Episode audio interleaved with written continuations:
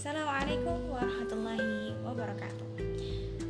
Welcome to my podcast Afni Suhaila. Oke, di sini di kesempatan kali ini kita akan bahas tentang ilmu kiraat ya, ilmu yang uh, baru sih menurut aku ya kan baru belajar maksudnya ya dulu S1 belum belajar nah sekarang lagi belajar lagi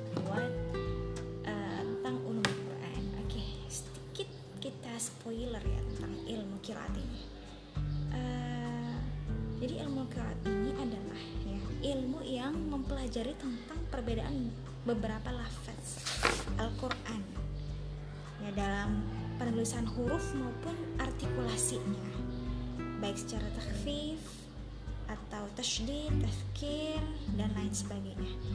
Ini adalah uh, pendapat dari Imam Az-Zarkashi. Intinya adalah ilmu qiraat itu adalah ilmu yang mempelajari tentang bagaimana membaca atau mengucapkan kalimat-kalimat Quran yang disandarkan kepada imam-imamnya dan perawi-perawinya. Oke, tambah penasaran kan tentang siapa imam-imamnya ini siapa aja rawi-rawinya? Kita tahu ya Al-Quran yang kita pegang itu atau yang kita biasa ada di Indonesia itu diriwayatkan dari siapa? Dari Hafiz kan? Perawinya Hafiz dan imamnya Asim. Ternyata ya kan banyak sekali gitu kiraat-kiraat yang lainnya yang kita perlu tahu. Dan itu uh, seru sih belajarnya itu seru dan itu karena ilmu kiraat ini adalah ilmu yang pasti ya. Jadi kita tinggal belajar belajar aja gitu. Kita ulang-ulangi. Ternyata di ilmu kiraat itu dan kiraat yang berbeda-beda ini banyak gitu yang dapat kita uh, manfaat uh, kita ambil manfaatnya. Oke penasaran kan? Dengan ilmu ini jangan ke mana-mana kita tetap bahas ilmu kiraat Oke, selanjutnya. Tadi kan kita udah bahas tentang uh, pengertian ilmu qiraat ya. Lalu kita penting juga nih kita tahu perawi, perawi dan imam-imamnya.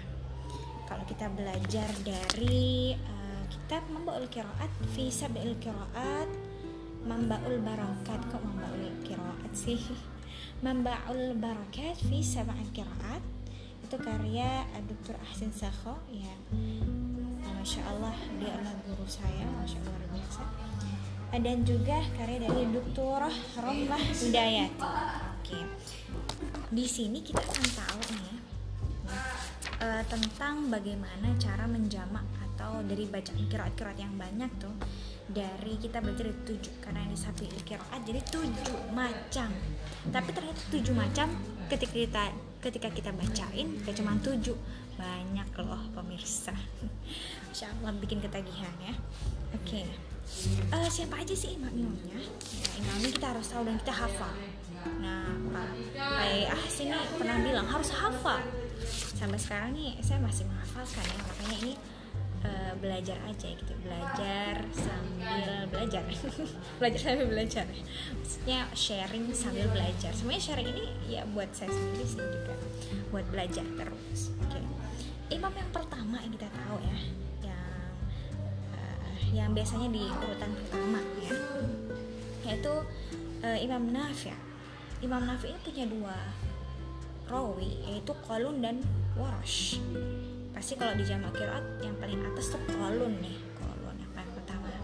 Yang kedua adalah Ibnu Kathir ya Ibnu Kathir itu imam. Imam yang kedua adalah Ibnu Kathir kemudian rawinya adalah Al-Buzi dan Quntul kemudian yang ketiga Abu Amr Abu Amr. Abu Amr ini punya perawi Ad-Duri dan As-Susi. Kemudian Ibnu Amir. Ibnu Amir ini punya dua perawi yaitu Hisham dan Ibnu Zakwan. Ini Imam Asim nih yang biasa. Imam Asim kalau kita mau tahu nih Al-Quran kita itu uh, jalurnya dari mana Imam Asim bacaannya Imam Asim perawinya mana? Hafiz Hafiz nanti kita tahu ada perbedaan-perbedaannya gitu deh. Oke Hafiz uh, dan Syu'bah yaitu uh, perawinya. Kemudian Imam Hamzah. Imam Hamzah punya dua perawi yaitu Khalaf dan Khalad. Kemudian yang terakhir Al-Kisai. Karena kita ada tujuh ya Al-Kisai perawinya itu Abul Haris dan Duril Kisai. Kita ulang ya pokoknya um, imamnya aja kita hafal pertama. Nafi' kedua Ibnu Katsir ketiga Abu Amr keempat Ibnu Amir yang kelima Asim Hamzah Kisai. Oke gimana bacaannya? Kita akan dengar setelah ini. Oke kita lanjut ke langsung prakteknya aja sih ya karena uh, buat podcast ini tuh supaya bisa sering dengar aja tentang diulang-ulang gitu ya. Karena kemarin ya kemarin di ujian kiroat lupa eh jadi harus diulang-ulang. Kan karena emang ilmu itu yang diulang-ulang ya yang diamalkan dan diulang-ulang. Nah kita mulai dari surat Al-Fatihah. Oke, tapi surat Al-Fatihah kita ganti segmen aja ya supaya lebih jelas lagi. Intinya di ilmu kiroat ini ya.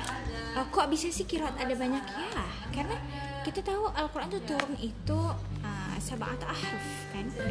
Al-Qur'an itu turun karena dulu para sahabat ya kan banyak ya dari banyak suku dan dari banyak kabilah-kabilah. Setiap kabilah itu punya logatnya masing-masing, punya kebiasaan yang masing-masing. Dan Rasulullah tuh sangat tahu gitu keadaan umatnya. Dan gak bisa kalau misalnya dijadiin satu satu logat aja logat Quraisy. Enggak kayak uh, karena Rasulullah bilang oh inna umatila tiap umatku gak akan bisa gak akan sanggup gitu ya. Karena itu selain itu udah turun temurun lahjahnya seperti itu atau logatnya kayak gitu. Misalnya kayak kita orang uh, gimana logatnya orang Jawa, gimana logatnya orang Sumatera, gimana logatnya orang Jakarta gitu kan beda-beda. Dan itu gak bisa disatuin gitu. Jadi uh, Allah memberikan kemurahan hati bagi umatnya untuk uh, akhirnya turunlah Al-Quran itu dengan sab'at ahruf dengan bacaan yang banyak ya bacaan yang banyak bacaan yang beragam nah dari situlah dari bacaan yang beragam itulah banyak para imam-imam ya kan yang mengajarkan dengan tentu dengan periwayatan yang mutawatir ya. Nggak asal-asalan ya kan? Jadi emang Al-Quran ini udah dijaga dari awal sampai akhir. Oke akhirnya banyaklah kiroat dan uh, dicetuskanlah oleh salah satu ulama menjadi tujuh kiroat. Pokoknya itu ceritanya panjang ya. Jadi kalau misalnya mau baca silahkan baca. Intinya yang kita kenal itu ada tujuh kiroat. Ada uh, 10 kiroat Oke, ada tujuh kiroat, ada 10 kiroat. Tapi sebuah ahruf itu bukan berarti ahruf itu kiroat ya. Karena itu ulama masih berbeda pendapat tentang hal itu. Sabatu kira, uh, sabatu ahruf, bukan sabatu kiroat, beda lagi itu mah. Ya kan? Oke. Okay.